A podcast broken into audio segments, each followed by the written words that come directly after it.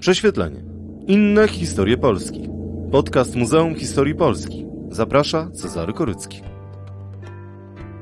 Niepolska historia miasta. Dlaczego Rzeczpospolita obojga narodów nie wykształciła stanu mieszczańskiego o takim znaczeniu i prawach, jak to działo się w krajach zachodniej Europy? Czy fakt, że praktycznie do XIX wieku nasze największe miasta były kilkakrotnie mniejsze od kontynentalnych metropolii, miał jakiekolwiek znaczenie dla rozwoju państwa i jego bogactwa? Jakie konsekwencje miał jeden z największych konfliktów w dziejach naszego społeczeństwa, czyli ograniczenie znaczenia i wpływów mieszczan przez szlachtę? W odcinku wysłuchamy unikatowych relacji zagranicznych podróżników odwiedzających XVII i XVIII-wieczną Rzeczpospolitą, a gościem podcastu będzie profesor Michał Kopczyński z Muzeum Historii Polski. Ja nazywam się Cezary Korycki i zapraszam na prześwietlenie. Inne historie Polski. Część pierwsza. Europa dwóch prędkości. Skoro dziś rozmawiamy o miastach, to może na początek pytanie natury filozoficznej. Czy bez miasta nie byłoby cywilizacji? Tak, z całą pewnością. Dlatego, że miasto to jest takie, to jest taka soczewka cywilizacji, bo to jest miejsce, w którym na niedużym terenie gromadzi się duża liczba osób, w związku z tym przyspiesza obieg informacji. Miasto jest też takim miejscem, ponieważ jest centrum gospodarczym, centrum wymiany handlowej, które przyciąga ludzi z odległych regionów. I w związku z tym ten obieg informacji dotyczy nie tylko tych mieszkańców miasta, a, ale on dotyczy też y, szerszych y, kręgów. I to powoduje, że miasto to jest takie okno na świat cywilizacji. Jeden z moich mistrzów, zmarły w tym roku, profesor Henryk Samsonowicz, opowiadał, pamiętam na pierwszym roku moich studiów, opowiadał o mieście przez pryzmat kodeksu Bechema, który pokazuje Kraków XV-wieczny. I tam jest taki obrazek pokazujący białoskórnika, który tam na swoim podwórku obrabia jakąś tam skórę. Pies się przygląda, ale gdzieś w oddali stoją jacyś ludzie ubrani, chyba jakoś z niemiecka, więc cudzoziemcy, a dalej są góry, a dalej jest morze. To wszystko jest Kraków oczywiście, ale to jest pewna, pewna prawda, taka przenośnia w tym, w tym przedstawieniu. I na tym morzu stoją jakieś statki pod żaglami, które popłyną gdzieś dalej za oceany, bo w ten sposób do tego naszego krakowskiego białoskórnika dociera wiedza w zasadzie z całego świata, nieograniczona. I miasto jest takim e, takim garnkiem, w którym się gotuje. Gotuje się od nowych idei, gotuje się od nowych pomysłów, od nowych przedsięwzięć gospodarczych, ale pomysłów też takich czysto naukowych, które popychają tą cywilizację do przodu. No dobrze, ale można zastanowić się, dlaczego Słowianie tysiąc lat temu po prostu nie byli mieszczuchami, nie powstawały u nas tak wspaniałe metropolie jak w innych częściach Europy. No tak, ale zacznijmy od początku, to znaczy gdzie były metropolie. W ogóle trzeba powiedzieć w ten sposób, że cywilizacja starożytna, a szczególnie cywilizacja rzymska, to jest cywilizacja miejska. I tutaj miasto jest tym takim, no już z tym takim pasożytem Rzymem, około milion ludzi, prawda, i tak dalej. No miasto pasożyt wysyzające soki nie tylko z Italii, ale z Afryki Północnej. I potem przychodzi wędrówka ludów, przychodzi wczesne średniowiecze i te miasta znikają. I znikają po prostu w straszny sposób, dlatego że, no proszę sobie wyobrazić, że w Dubrowniku był kiedyś pałac Dioklecjana. Otóż średniowieczny Dubrownik zamknął się w murach pałacu Dioklecjana i to na to miasto wystarczało. Rzym z kolei miał mury, i te mury przetrwały Cesarstwo Rzymskie, one istniały i są widoczne na przykład na mapach z XVII wieku. I jak patrzymy na Rzym i mury rzymskie XVII-wieczne, to widzimy w obrębie tych murów masę terenów zielonych. I to nie jest żaden oryginalny pomysł urbanistyczny. Nie, to są po prostu tereny, które są niezamieszkałe. To są takie dzikie ogrody, dlatego że Rzym XVII-wieczny w porównaniu z Rzymem starożytnym to są dwie zupełnie różne rzeczywistości. I teraz jak spojrzymy sobie szerzej na średniowiecze, to okaże się, że miasta jak zaczynają się odradzać około roku tysięcznego, to one się odradzają tam, gdzie była cywilizacja rzymska, a więc we Włoszech, we Francji. Tutaj te miasta prawda, się odradzają. W Niderlandach, właściwie wtedy we Flandrii. To z racji położenia geograficznego. Ale jak spojrzymy poza Limes, jak spojrzymy na północ od Dunaju i na zachód od Łaby, na wschód od Łaby, to wtedy zobaczymy całkowitą pustkę. I to nie jest tylko pustka polska, bo to jest tak samo pustka niemiecka. Otóż na tych terenach, które są za Limesem, władza państwowa staje się twórcą miast jako takich. Twórcą dwojakiego rodzaju. To znaczy, jeden rodzaj to jest po prostu, że istnieją tam jakieś osady o charakterze niewątpliwie miejskim, które nie różnią się prawnie od tych terenów sąsiadujących. I władza państwowa wyodrębnia je pod względem prawnym. To jest jedna jakby rzecz. Druga rzecz jest taka, że niekiedy władza państwowa po prostu jest zainteresowana, żeby powstało miasto i w związku z tym zbiera mieszkańców e, z kilku jeszcze wsi, które dotąd istniały, przenosi ich przymusowo na określone miejsce i to jest miasto. I więc to nie jest tak, że Słowianie są jacyś gorsi. Po prostu taki region. No, no nie załapaliśmy się na Cesarstwo Rzymskie. Gorsi, nie gorsi, ale żeby założyć te miasta, musieli stosować prawo niemieckie. Czym ono było? E, prawo niemieckie to jest e, taki zespół e, rozwiązań ustrojowych, jeśli chodzi o organizację miasta, ale to jest też zespół pewnych precedensów prawnych i rozwiązań prawnych zwanych prawem magdeburskim, może być lubeckie, no u nas najbardziej rozpowszechnione jest prawo magdeburskie. I to jest korzystne przyjęcie czegoś takiego, dlatego że przyjmuje się takie prawo i w zasadzie wszystko wiadomo. Wiadomo, jak mają władze funkcjonować, wiadomo, jak y, będą rozstrzygane jakieś spory, konflikty czy coś takiego, jakie są wyroki. I i to jest bardzo wygodna rzecz, bo inaczej trzeba byłoby jakąś stosować, y, prawda, ekwilibrystykę prawną, tworzyć coś od nowa. A nie trzeba tworzyć od, czegoś od nowa, bo wszystko jest gotowe, wszystko jest po prostu pod, y, podrzucone. I tutaj zwracam uwagę na jedną rzecz. Otóż osady miejskie istniały.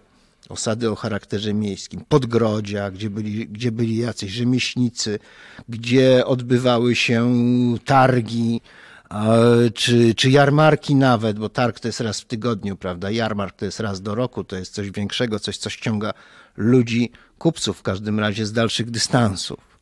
No więc to wszystko się odbywało, wszystkie te funkcje miejskie były.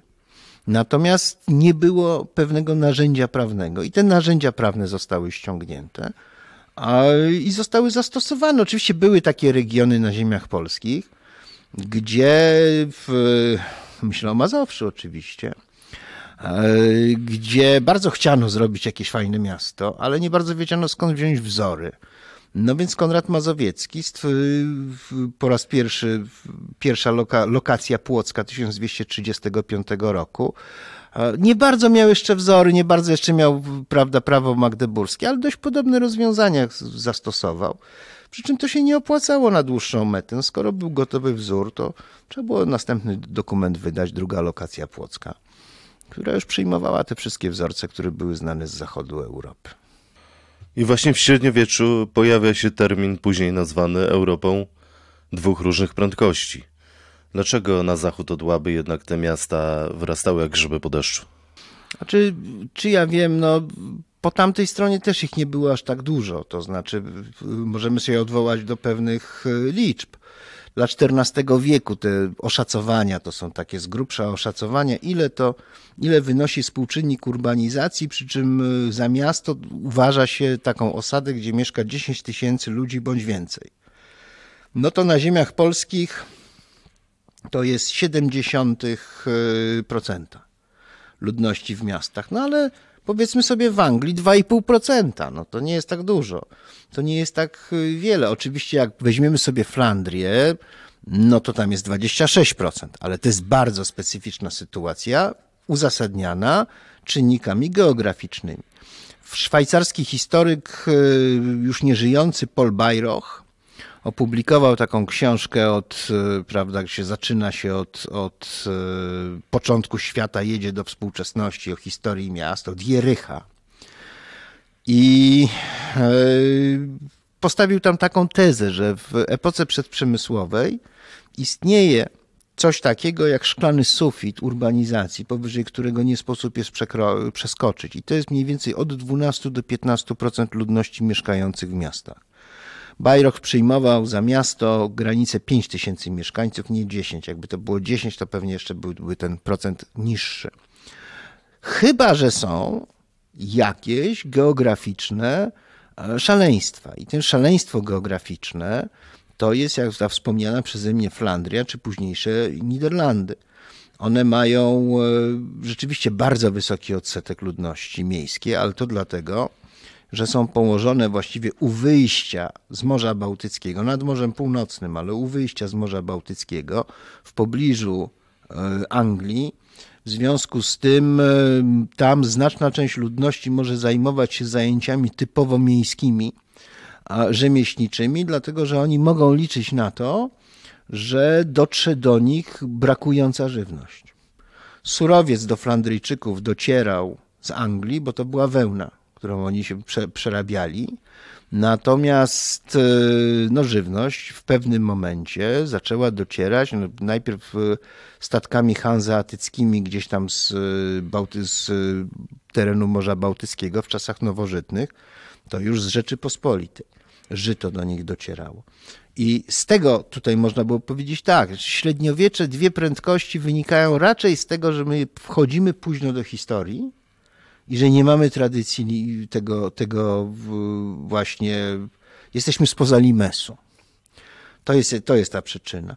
Co innego się robi w czasach nowożytnych. Średniowiecze to jest jeszcze epoka, kiedy brakowało pieniądza, a pieniądz był tylko kruszcowy, kruszców było mało w Europie, w związku z tym jak było mało kruszców, to to nie sprzyjało handlowi, szczególnie handlowi takimi towarami masowymi. Natomiast e, w czasach nowożytnych to już jest trochę inna historia. Rzeczywiście to jest ten moment, kiedy myśmy zostali w tyle. Kiedy się pojawia nie tylko Europa dwóch prędkości, ale pojawia się świat dwóch prędkości. Niektórzy mówią, taki socjolog amerykański, który napisał wielką taką syntezę świata nowożytnego, Immanuel Wallerstein, no to my właśnie są świat trzech prędkości. Dlatego, że jest centrum, Europa północno-zachodnia, jest, są peryferie. Te peryferie to między innymi jest Rzeczpospolita, ale też jakaś Rosja, ale peryferie to jest też Brazylia, bo jesteśmy w czasach nowożytnych i są semiperyferie, czyli to są takie kraje, które są w stanie wyjść z położenia peryferyjnego i dołączyć do centrum, to znaczy albo doskoczyć w ogóle, albo w każdym razie być takim wagonikiem zaraz za, ale niewątpliwie przed, wyprzedzić peryferię. Takim przykładem, który Wallerstein przytacza i słusznie przytacza, i do tego jeszcze będziemy musieli wrócić, to jest Skandynawia z Szwecja. Ale można też powiedzieć, że pozostawanie na peryferiach ma swoje pozytywne strony. Na przykład w postaci uchronienia Rzeczpospolitej przed zarazą dżumy, która po prostu na nasze ziemię nie dotarła. No tutaj jeśli chodzi o dżumę, to nie jest taka sprawa oczywista. To znaczy w miastach naturalnie dżuma, kiedy się pojawia po raz pierwszy w 1348 roku, no to ma ogromny wpływ. My wiemy z Włoch, dlatego że tam jest e, długa tradycja piśmienności i w związku z tym wiemy, że w takiej Sienie śmiertelność przy pierwszym uderzeniu dżumy wzrosła jedenastokrotnie. Jedenastokrotnie w stosunku do normalnej. I to jest coś dla nas dzisiaj niewyobrażalnego, nawet, nawet przy COVID-zie. Natomiast e, Potem ta dżuma wracała, wywołując wzrost śmiertelności sześciokrotny czy siedmiokrotny. Wiem, że to brzmi okropnie, ale, ale w porównaniu z tym jedenastokrotnie to, to było jednak e, lżej. Ale, dżuma zabijała też na wsi.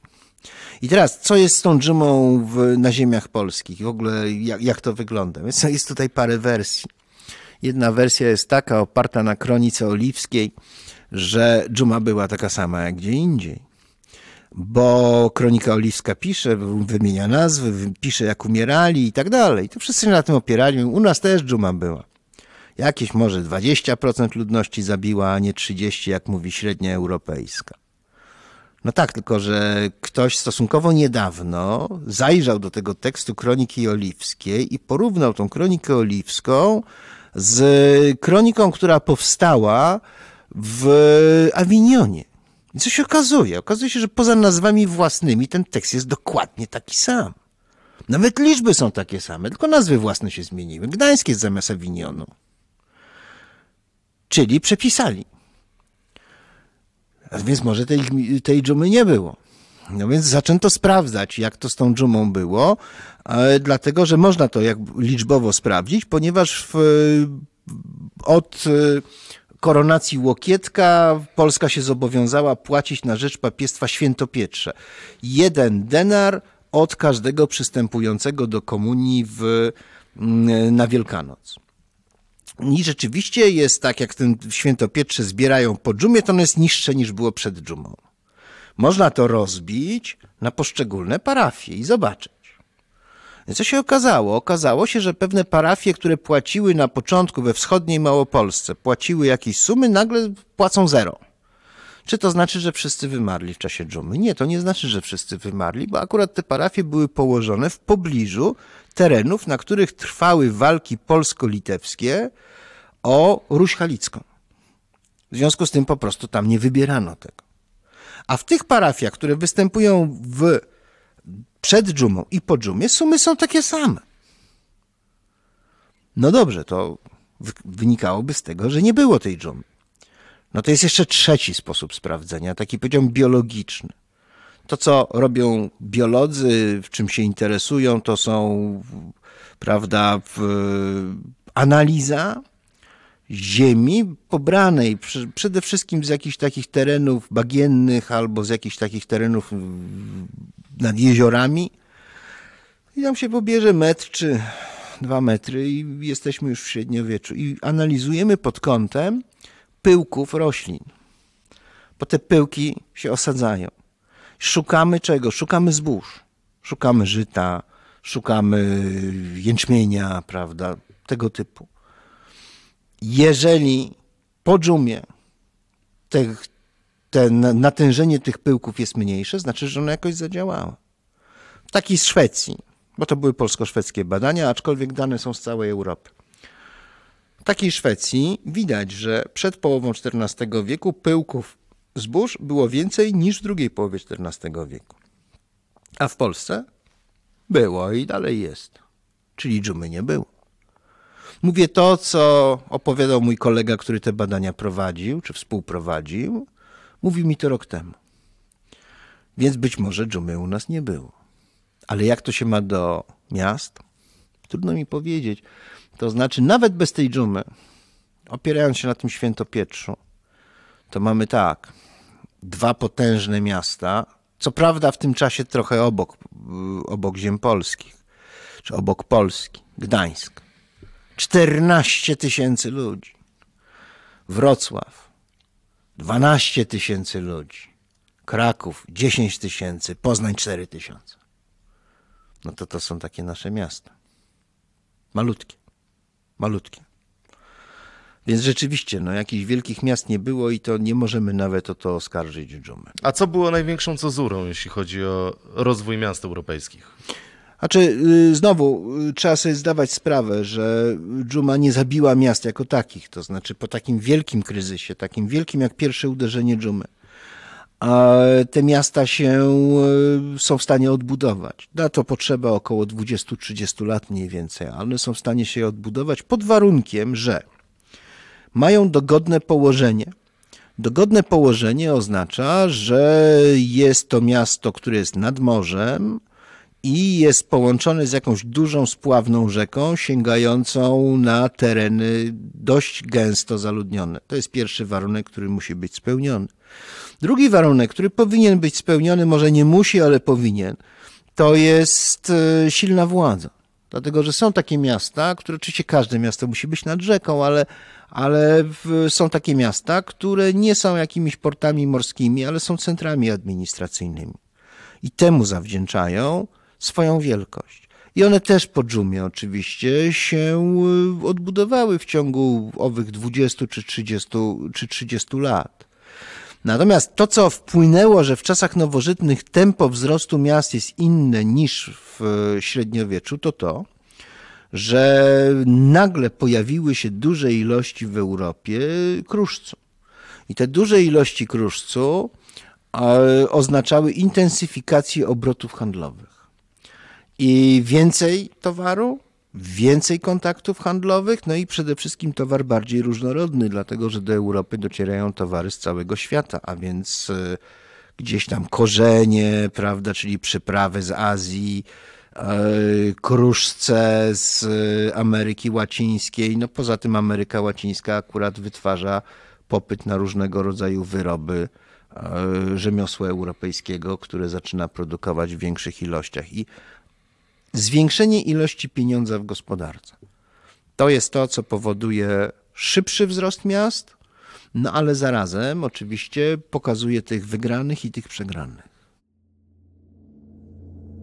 Część druga. Mieszczanie, czyli stan czwarty. Bo urząd Pan Bóg każdemu naznaczył, w jakim kto marzyć stanie nie przebaczył.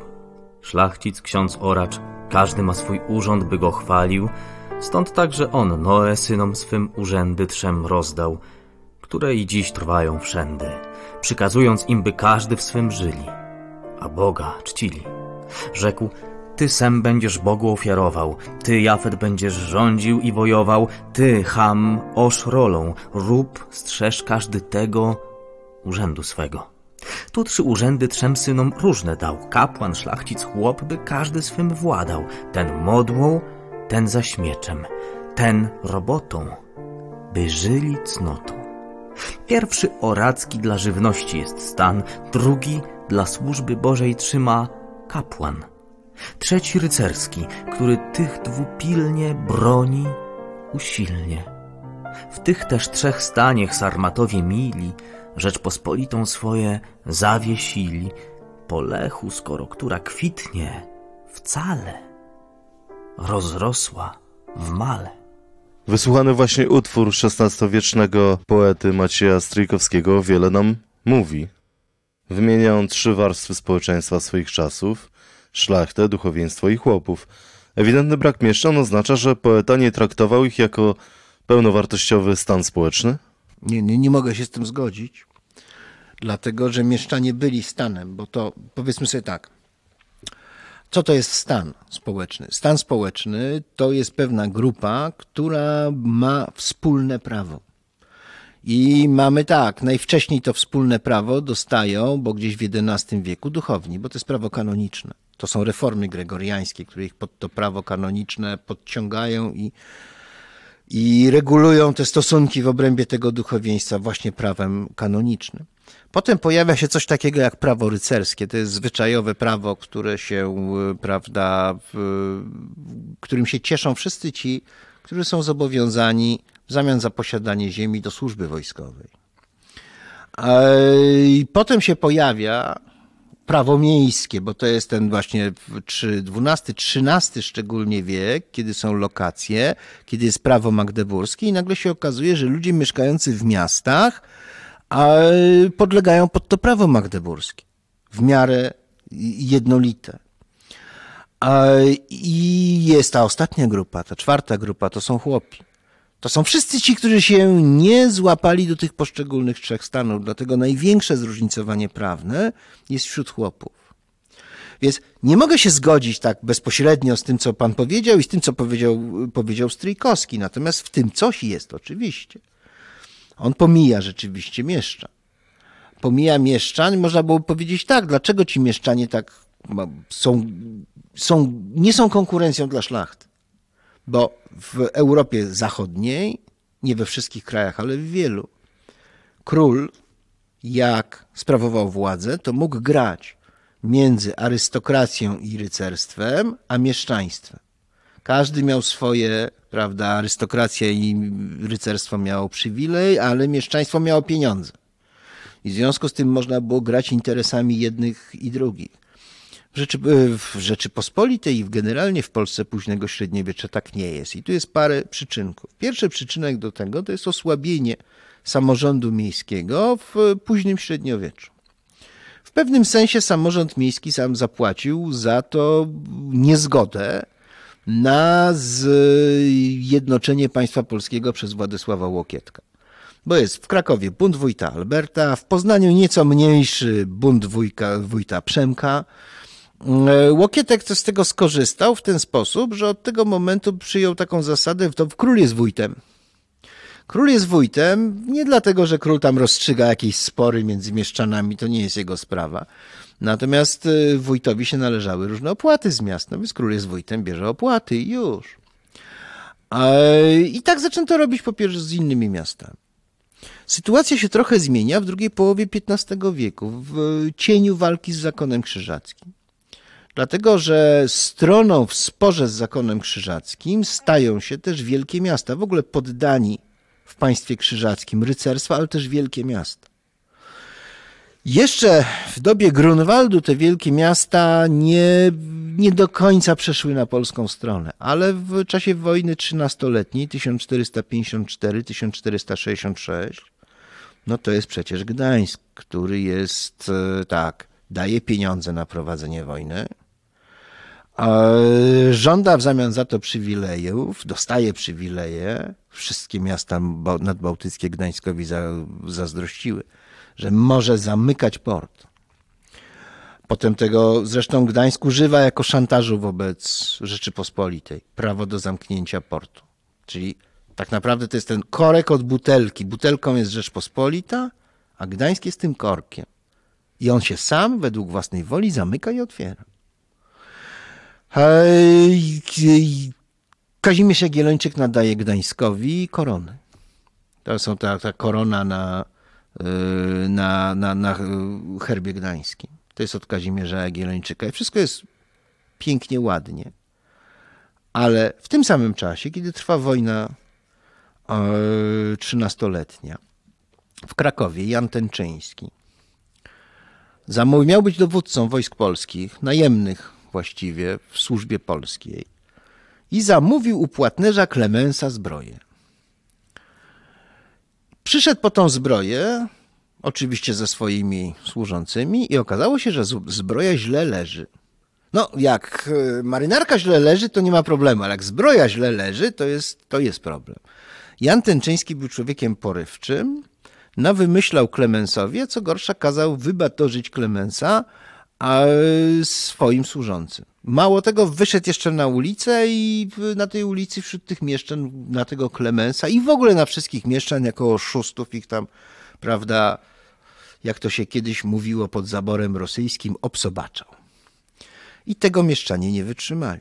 Zaczęli gonić Tęczyńskiego. Tęczyński uciekł do kościoła mariackiego, tam się schował, licząc, że ten tłum tam nie wpadnie, bo kościół to jest takie miejsce, gdzie jest, yy, prawda, no, każdy może uciec i, może liczyć na jakąś, yy, jakiś pardon. Ale oni tam wpadli, wyciągnęli go i go zabili. I to był tumult w Krakowie i można powiedzieć tak, no oczywiście jak się do tego odnosi Kazimierz Jagiellończyk. Kazimierz Jagiellończyk tak, no nie ma monitoringu przecież. Nie wiadomo kto to zrobił. Kto poniesie karę? Rajcy miejscy poniosą karę. Jaka to będzie kara? To wiadomo, jaka to będzie kara. Zetną ich. Teraz pytanie, kto ma ich skazać? Zgodnie z prawem oni powinni być postawieni przed sąd miejski. Albo może król powinien to rozstrzygnąć. A co król robi? Król ich daje pod sąd ziemski, gdzie przedstawiciele rycerstwa są sędziami. Wiadomo, jaki będzie wyrok. I tak to się kończy. To jest złamanie pewnego przywileju. Sprawa się działa w mieście, była co prawda między szlachcicem a mieszczanami, ale powinna stanąć przed sądem miejskim. Stanęła przed sądem ziemskim. I można powiedzieć, to jest to takie praźródło prawnego upośledzenia stanu mieszczańskiego w Polsce. Ale powiedzmy sobie, Gdańsk nie miał tak źle i miasta polskie też wcale nie miały aż tak źle. Tymczasem mieszczanie nie mieli nawet reprezentacji w Sejmie Rzeczypospolitej Obojga Narodów. Tak, tak, to się kiedyś na testach, e, na egzaminach wstępnych, na przykład na prawo i tak dalej, się e, prześladowało tych zdających pytaniem, kiedy uzyskali prawo reprezentacji politycznej, to dopiero w księstwie warszawskim. Ale to nie miało takiego znaczenia. To nie miało takiego znaczenia, dlatego że y, oczywiście tak, no miasta same nie chciały.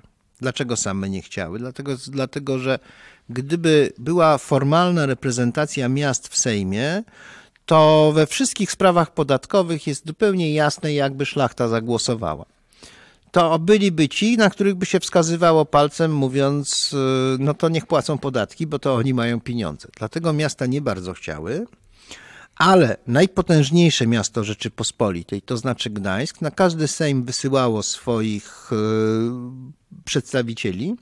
Oni tam mieli prawo przysłuchiwania się. Zresztą Wilno, Kraków y, też miały takie prawo, że mogły wysłać ludzi, którzy mogli się przysłuchiwać, ale jakoś to oni się przysłuchiwali gorzej. Natomiast gdańszczanie niesłychanie dokładnie, najlepsze diariusze sejmowe były pisane przez gdańszczan. I oni oczywiście najbardziej się interesowali sprawami pieniężnymi, najbardziej się interesowali sprawami podatkowymi. Te diariusze są takie pisane taką szybką ręką, prawda, taką kursywą, bardzo trudną do odczytania, one leżą w archiwum w Gdańsku. Czasem historycy z nich korzystają, powinni korzystać z nich więcej. Ja wiem, że one są trudne paleograficznie, ale są niesłychanie ważne. I Gdańsk na tym w gruncie rzeczy można powiedzieć korzystał. To znaczy Gdańsk był w stanie się dogadać i było mu to łatwiej dogadać się z królem. Bo po to, żeby spłacić długi króla, na przykład długi Władysława IV przecież Gdańsk spłacił w końcu. Ale kiedy Władysław IV, a wcześniej Stefan Batory zażądał wprowadzenia podatku, no to wtedy Gdańsk się postawił. Była przecież za Batorego wojna polsko-gdańska, która skończyła się w końcu kompromisem, że było cło palowe, 1% od wartości towarów, y, połowę dla Rzeczypospolitej, połowę dla Gdańska. Władysław IV chciał sfinansować swoje reformy wojskowe, zadłużając się, no i żeby je sfinansować, chciał nałożyć na Gdańsk e, cło. Gdańsk odwołał się do kogo? Gdańsk odwołał się do króla Danii, który się tytułował królem Morza Północnego i Bałtyckiego. Flota duńska przyjechała i dwa statki wybierające cło, no po prostu Duńczycy nawet nie zatopili, tylko ukradli. A Gdańsk ogłosił zamknięcie portu. I co zrobiła szlachta? Nie mogła sprzedać zboża, nacisnęła na Sejmie na króla i król zrezygnował z tych ceł, ale Gdańsk się z królem dogadał i Gdańsk powiedział, zapłacimy za to. I zapłacili za długi króla. No tylko, że te reformy wojskowe lat 30. XVII wieku się urwały, bo nie było pieniędzy. Więc jakby wszyscy skorzystali. Król, król się pozbył długów, Gdańsk e, pokazał swoją siłę, wszystko było ok, wszystko wróciło do poprzednich e, stosunków, tylko Rzeczpospolita straciła. A co z wolnością osobistą mieszczan? W miastach niemieckich już od średniowiecza mówiło się Stadt, Luft, Macht frei, czyli powietrze miejskie czyni wolnym. Tak, powietrze miejskie czyni wolnym to miało zagwarantować miastom, że one nie będą wymierać, bo to jest bardzo ważne. W miastach była zawsze duża śmiertelność. Tam zawsze jest ujemny bilans y, taki demograficzny. I bardzo dla miast jest ważne, żeby był dopływ ludności. U nas w przywileju nieszawskim jest taka, taka, taki paragraf e, wprowadzony, który mówi, że e, jeżeli poddany zbiegnie do miasta, to pan go może też ścigać. Ale powiedzmy sobie tak, nikt tego nie robił. Nikt tego nie robił, z, po pierwsze dlatego, że no, no przecież to były czasy, w których nie ma dokumentów, w których właściwie kogo można złapać? Można tylko kogoś, kto jest właśnie, występuje, figuruje w jakichś dokumentach, kto jest obywatelem miasta. A kto jest obywatelem miasta? Ktoś, kto posiada tam nieruchomość. To jest obywatel miasta. Natomiast inni są po prostu anonimowym tłumem. I w związku z tym ich nie można złapać. A jak ich nie można złapać, no i pan ich też nie będzie łapał. Nikt mu w tym nie pomoże, wręcz odwrotnie. Są znane takie przykłady. Był taki XVIII-wieczny bogaty szlachcic z Mazowsza, nazywał się Bazyli Walicki i wśród różnych jego papierów, gospodarczych, które się zachowały, jest taki wykaz zbiegłych poddanych. I on wie, ten jest w Łowiczu, tamten jest w Warszawie, tamten jeszcze w Skierniewicach, wie kto gdzie jest. Nie szuka ich. On tylko tak, jak rodzice umrą i zostanie puste gospodarstwo, to nim zaproponuje. Możesz wrócić. No ale jak nie zechce wrócić, no to, to przecież go siłą nie będzie z tego miasta zabierał. Są lepsze sposoby na zdobywanie poddanych. Bazylii Walicki zresztą je opisuje i stosuje. Pełno się kręci tak zwanych ludzi luźnych. Jak jest jakaś córka chłopska, i taki człowiek luźny się zatrzymuje w, w tym, e, prawda, we wsi, po to, żeby zarobić coś tam, pracować przez jakiś czas. I jest wolna córka, no to pan wtedy gotowy jest e, sfinansować wesele i jeszcze dużo wódki z karczmy dać w zamian za przyjęcie poddaństwa. I tak za tego zbiegłego zyskujemy jeden do jednego. Średni stan obywateli, kupcy, rzemieślnicy czy mechanicy są tak nieliczni, i tak mało ważą, że można ich uważać za nieistniejących. W kraju, w którym handel jest jak wymarły, manufaktury wyjąwszy najkonieczniejsze, niemal nieznane, przemysł i rzemiosła pozostawione własnemu losowi, bez poparcia i tylko jako tako dba się o uprawę roli, stan średni musi z konieczności wymierać i tracić znaczenie. Tak podróż po Rzeczpospolitej relacjonował Sir Nathaniel William Roxhall w XVIII wieku. No tak, ale on sobie wybrał, nie, wybrał, nie mógł inaczej wybrać, bo wtedy żył najgorszy okres, e, na jaki mógł trafić. E, dlaczego najgorszy okres? Dlatego, że tym rzeczywiście strasznym okresem jest e, okres połowy XVII wieku ze sławnym potopem szwedzkim. Szwedzi przechodzą przez całą Rzeczpospolitą, a w dodatku jeszcze przez tą całą Rzeczpospolitą przechodzą różne wojska, nasze też, nasze, które będą walczyć ze Szwedami. Pobierają kontrybucje, rabują i naprawdę od tych kontrybucji niewolne były też duże miasta, takie jak Kraków, który był rządzony przez generała Paula Wierca, dokładnie obrabowany zresztą, taki jak Warszawa, dwukrotnie przez Szwedów zajmowana, a potem jeszcze przez Siedmiogrodzian, więc, więc to były straszliwe zniszczenia. Y, mówiliśmy już, że nawet po takich strasznych zniszczeniach, mniej więcej w ciągu jakichś 20-30 lat miasto powinno prze, prawda, przezwyciężyć kryzys. No tak, ale pod jednym warunkiem. Pod warunkiem takim, że miasto nie będzie odcięte od rynku zbytu dla swoich towarów. Otóż taki sam kryzys, znaczy taki sam, no, potężny kryzys dotknął także ludność wsi, dotknął szlachtę, dotknął handel polski zbożowy, dotknął także chłopów. A oni im też pozabierano bydło, prawda, popalono domy. Szlachta teraz, żeby jakoś się odbudować, postanowiła wyciągnąć pieniądze z, z chłopstwa. Jak wyciągać pieniądze z chłopstwa? No w ten sposób, że jak chłop pójdzie do miasta, sprzeda coś ze swoich produktów, no to myślę o takich rzeczach, które są łatwe do ruchome, prawda, typu jajka, kury, gęsi, coś takiego. Jak chłop coś takiego sprzeda, to w mieście kupował zwykle sobie jakieś narzędzie, prawda, jakieś, nie wiem, kosę czy coś takiego. I w ten sposób rzemiosło miejskie miało rynek zbytu. Otóż teraz go nie będzie miało, dlatego że pan ściągnął jakiegoś kowala do wsi i chłop z tymi pieniędzmi przychodzi i kupuje u tego kowala ze wsi. Cena jest dość promocyjna, a kowal zresztą odprowadza znaczną część tego zysku do, w ręce pana. I chłop nie ma prawa kupować w mieście, więc chłop idzie do miasta, coś sprzeda, po czym przyniesie te pieniądze i część z nich przepije w karczmie, bo musi przepić, i część z nich y, przeznaczy na jakieś narzędzia, które kupi tu, lokalnie, na rynku. Y, można było na, na rynku, prawda, w swojej wsi. To jest merkantylizm.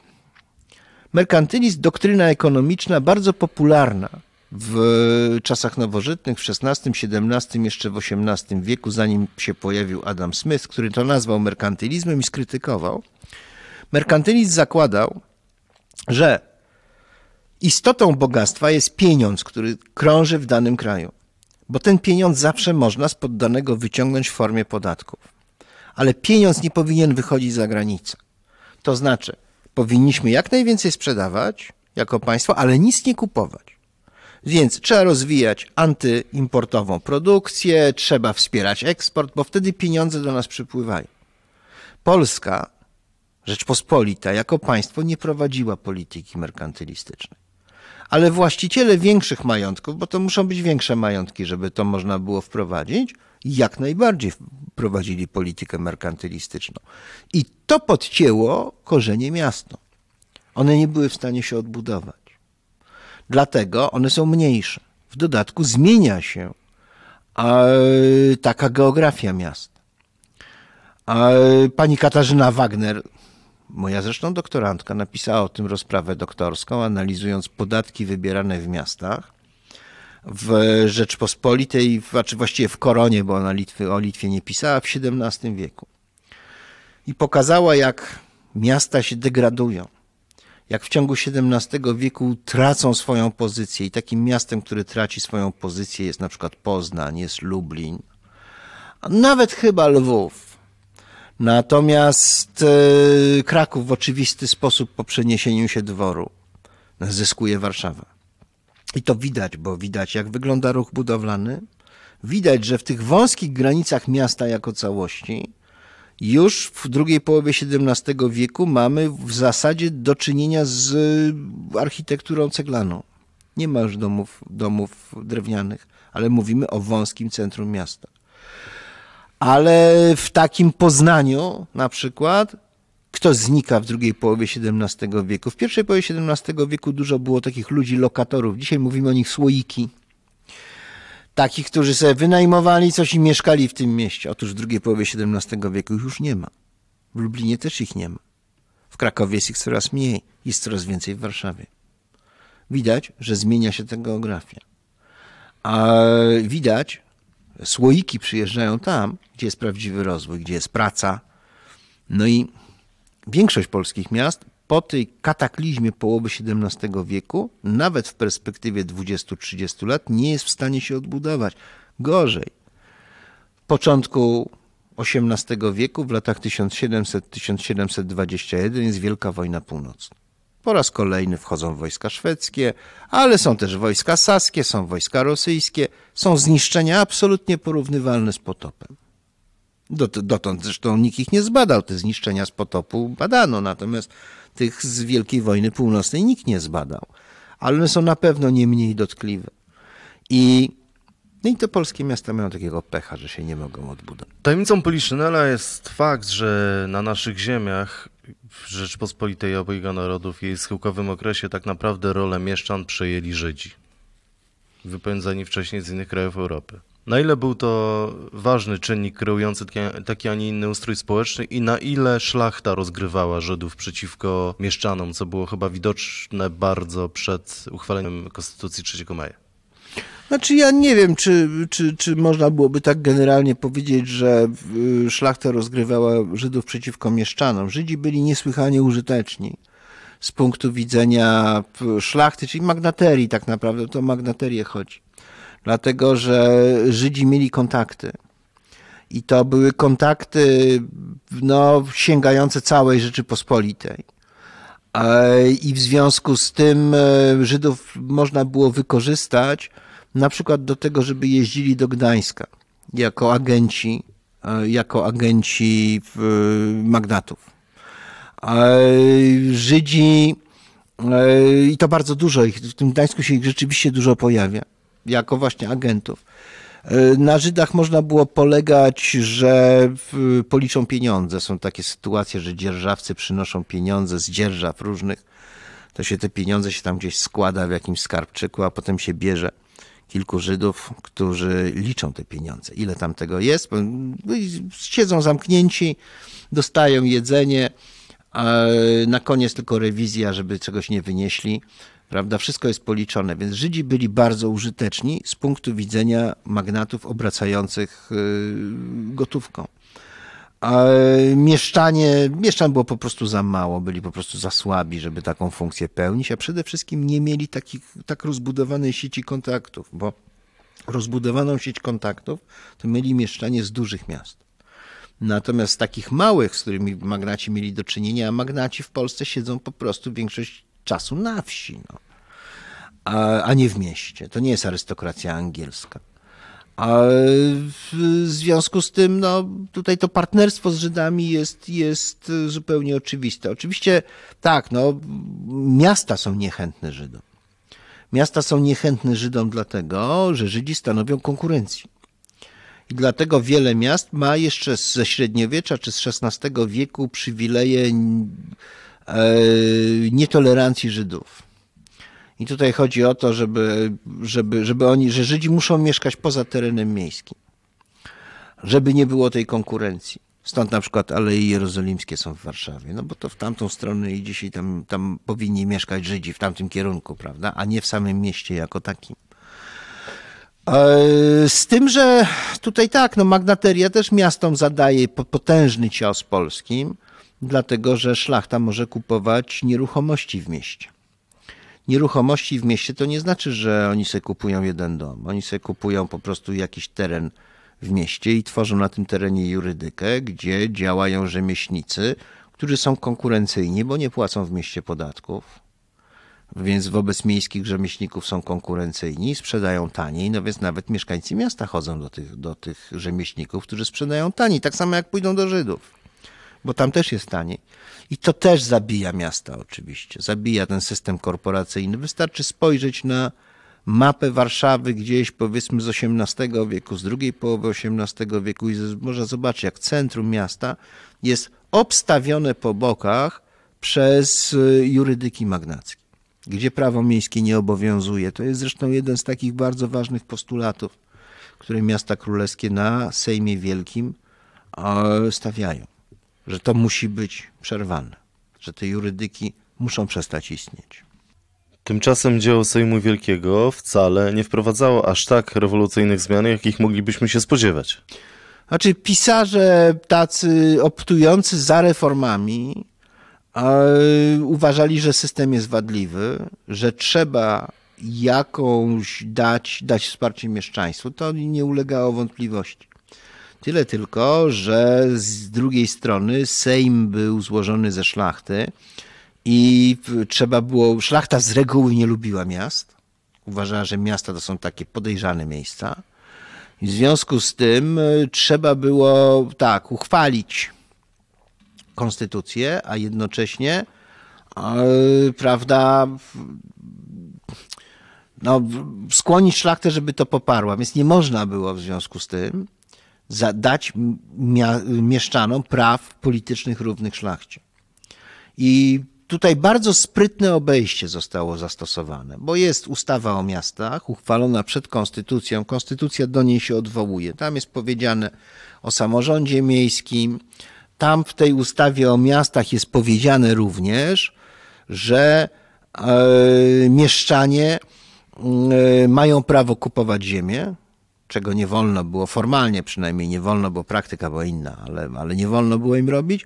Mają prawo piastować urzędy i mogą być, e, właściwie nawet powinni być, e, mieć dostęp do szlachty. Czyli gdyby ta konstytucja potrwała dłużej, powiedzmy 50 lat, załóżmy, trwa 50 lat, doszłoby do naturalnego procesu wchłonięcia elity miejskiej do stanu szlacheckiego. I to by nastąpiło o, I o to chodziło. I to jest zupełnie nowa organizacja społeczeństwa. Proszę zwrócić uwagę, że ustawa o Sejmie, właściwie ustawa o sejmikach, e, pozbawia praw politycznych szlachty nieposiadającej ziemi. Czyli biedna szlachta zostaje odcięta, a mieszczanie przez to, że mogą wejść do szlachty, te prawa polityczne zyskają. I mamy zamiast podziału stanowego, gdzie urodzenie decyduje o prawach politycznych, mamy podział majątkowy, gdzie status majątkowy decyduje o tym, czy się ma prawa polityczne, czy się nie ma tych praw politycznych. Więc to była pewna sprytna próba, taka taktyczna, zmiany tego ustroju, jednocześnie nie mówiąc o tym, że ta zmiana będzie dochodziła. No inna jest sytuacja w księstwie warszawskim, bo przychodzi Napoleon, dyktuje konstytucję i, i tutaj ona jest po, po prostu podana odgórnie. I, I, są w skład Sejmu i Izby Poselskiej wybierany jest na sejmikach. Ta część szlachecka, 60% jest wybierana na sejmikach, pozostałe 40% na zgromadzeniach gminnych, w których uczestniczy nie szlachta. I tu już nikt nie protestuje. Część trzecia. Nowoczesność. Wiek pary i węgla. Poprzedniej części mówiliśmy o zmianach, które przynosiła Konstytucja 3 maja i które mogła przynieść w okresie 50 lat. Niestety obowiązywała jedynie kilkanaście miesięcy. Najbardziej dynamiczny rozwój miast miał miejsce, gdy Polska znalazła się pod zaborami. Nie wiadomo, czy to jest jakiś klucz, czy może warunki, które stworzyli zaborcy, rozbijając tradycyjną strukturę społeczną Rzeczypospolitej, było takim impulsem dla rozwoju miast. E, no więc nie. Ja muszę tutaj zaprotestować przeciwko temu, dlatego że mm, zabory w, w zasadzie nijak nie przyczyniły się do rozwoju y, takiego przemysłowego ziem polskich. To jest po prostu koincydencja czasowa, która, która tutaj następuje. Wiadomo, że przychodzi nowa epoka, przychodzą, przychodzi nowa gospodarka, no i ona w końcu, wcześniej czy później, w formie rozwiniętej bądź jakiejś takiej niedokończonej, ona w końcu dotrze do, na, na ziemię polskie. Więc ja bym zaborcom tutaj tego nie przypisywał. Aczkolwiek muszę od razu powiedzieć taką rzecz, to historycy łódzcy na to zwrócili uwagę, że kiedy Łódź, to jest ten miasto, prawda, powstaje na suchym korzeniu, kiedy ono się zaczęło rozwijać? Ono się, Łódź zaczęła się rozwijać a w momencie, kiedy przyszli po, po trzecim rozbiorze Prusacy. Dlatego, że władze pruskie przeprowadziły różne prawda, administracyjne rozwiązania, które pomogły następnie Łodzi się rozwinąć. No ale tak, e, nie chcę tutaj znowu tworzyć, zaprzeczać samemu sobie i tworzyć takiego wrażenia, że bez Prusaków Łodzi by nie było, bo dlaczego Łódź była? Dlatego, że dlaczego taka, taka dynamiczna? Dlatego, że w Królestwie Polskim, kiedy ministrem finansów e, był Drucki Lubecki, on wspierał odgórnie rozwój gospodarczy. Jednym z pomysłów było to, żeby ściągnąć z Niemiec zbankrutowanych przez konkurencję fabryczną przedsiębiorców włókienniczych. Głównie z Saksonii, ale z, tutaj z różnych części Niemiec. Oni byli przez, przez powstające manufaktury, przez prze, przemysł, prawda, zbankrutowani, przez import towarów angielskich. Królestwo Polskie było chronione cłem rosyjskim w wysokości 10%. Między Królestwem Polskim a Imperium Rosyjskim było cło 1%. Czyli można było tutaj ściągnąć tych e, przedsiębiorców. Oni mogli tutaj rozwijać produkcję i mogli to eksportować do Rosji, bo cło było, bo cło było nieduże. No dobra, to teraz dlaczego Łódź i dlaczego to nie jest taka zasługa pruska? No Rajmund Rębieliński to jest ten, który to ojciec Łodzi, wojewoda mazowiecki. Dlaczego Łódź, a nie co innego? Otóż Łódź miała bardzo dużo małych cieków wodnych. I to jest świetne dla włókiennictwa, dlatego że wyobrażano sobie w ten sposób, że będzie można na tych ciekach wodnych postawić jakieś warsztaty, koła wodne, tym podobne rzeczy. Poza tym ta technologia włókiennicza typu folowanie i tak dalej wymaga dużo wody jak będziemy ściągać dużą ilość tych rzemieślników, to tych cieków wodnych powinno być stosunkowo dużo i one tam były. Ja wiem, że Łódź ma teraz inny problem. Problem Łodzi polega na tym, z tego sobie nie zdawano sprawy w początku XIX wieku, że ona jest tak na środku między, między Odrą a, a Wisłą, między tymi dorzeczami i ona ma deficyt wody.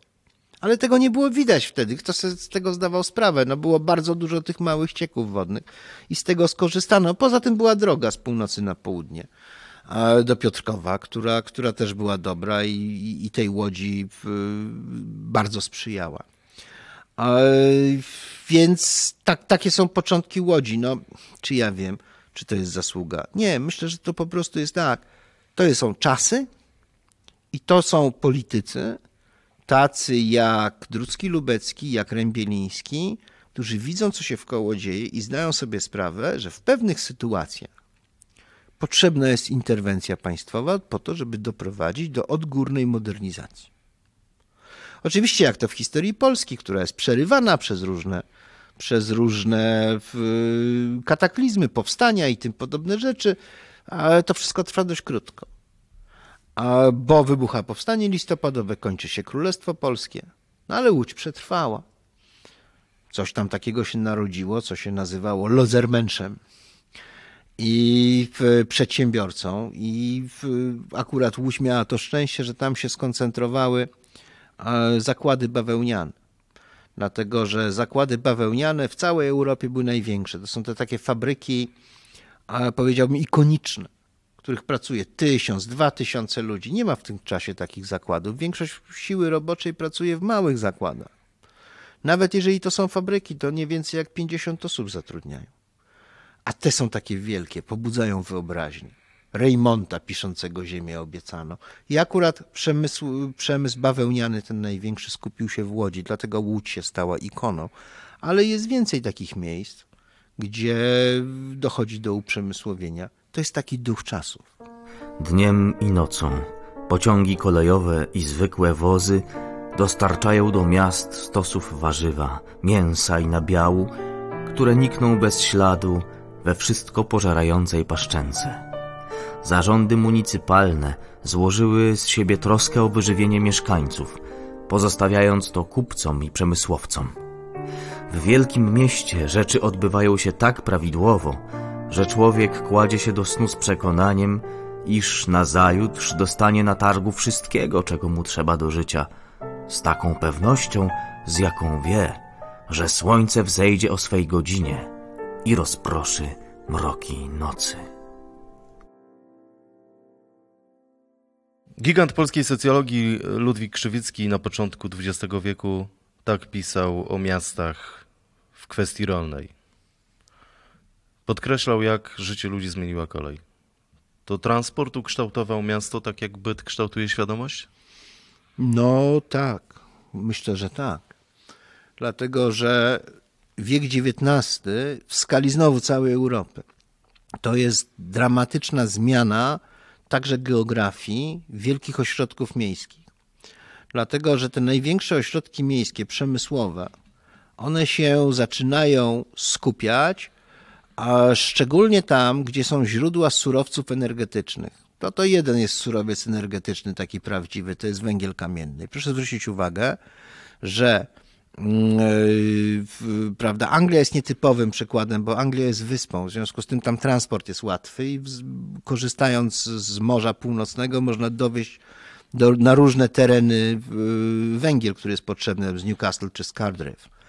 Natomiast jak się popatrzy na Zagłębie Rury, na Śląsk, na Juzowkę, czyli, czyli Donieck, to widać, że te największe europejskie okręgi przemysłowe są na węglu.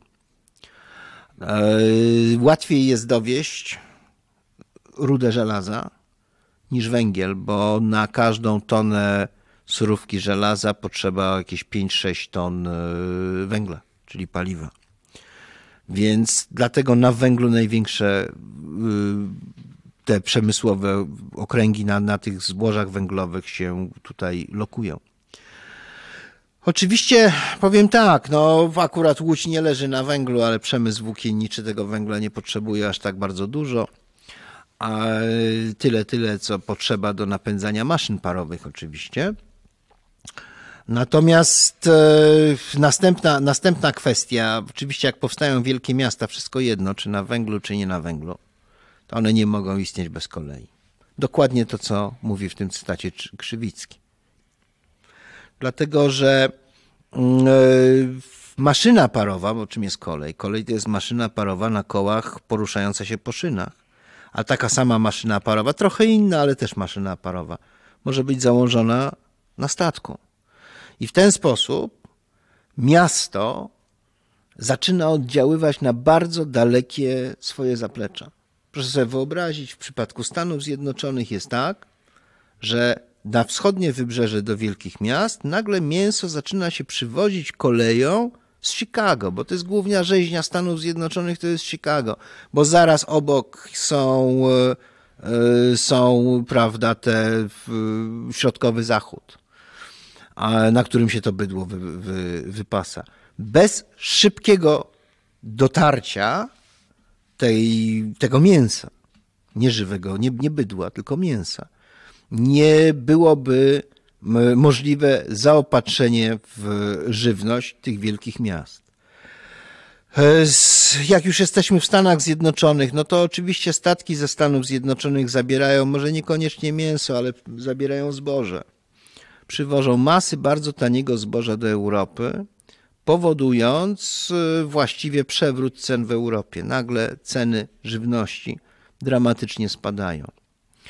A w Polsce też kolej odgrywa taką, taką rolę, e, dlatego że możemy powiedzieć w ten sposób, że przecież e, bez tej łącznika przez Koluszki, Łódź Koluszki, nie byłoby, to, to jest łącznik do kolei między Łodzią a koleją warszawsko-wiedeńską, nie byłoby gigantycznej ekspansji łódzkiego eksportu, na ziemię wschodnie po roku 1867. Nagle produkcja bawełniana Łodzi jeszcze bardziej skacze do, do góry i to idzie, prawda, ten, ten, ten, te wózkie towary idą na wschód, dochodzi do tak zwanej wojny Moskwy z Łodzią.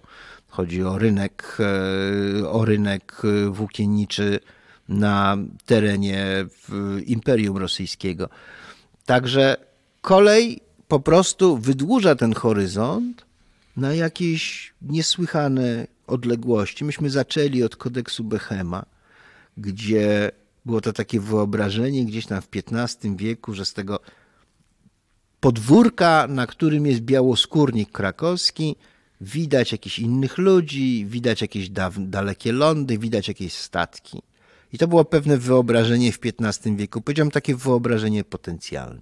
Otóż w momencie, gdy pojawia się maszyna parowa, a z nią kolej i żegluga, to to wyobrażenie XV-wieczne, ta alegoria staje się po prostu rzeczywistością. Podcastów Prześwietlenie inne historie Polski wysłuchasz na YouTube, Spotify, Google Podcast, Audiotece, a także na innych platformach streamingowych. Chcesz być na bieżąco? Subskrybuj kanał Muzeum Historii Polski.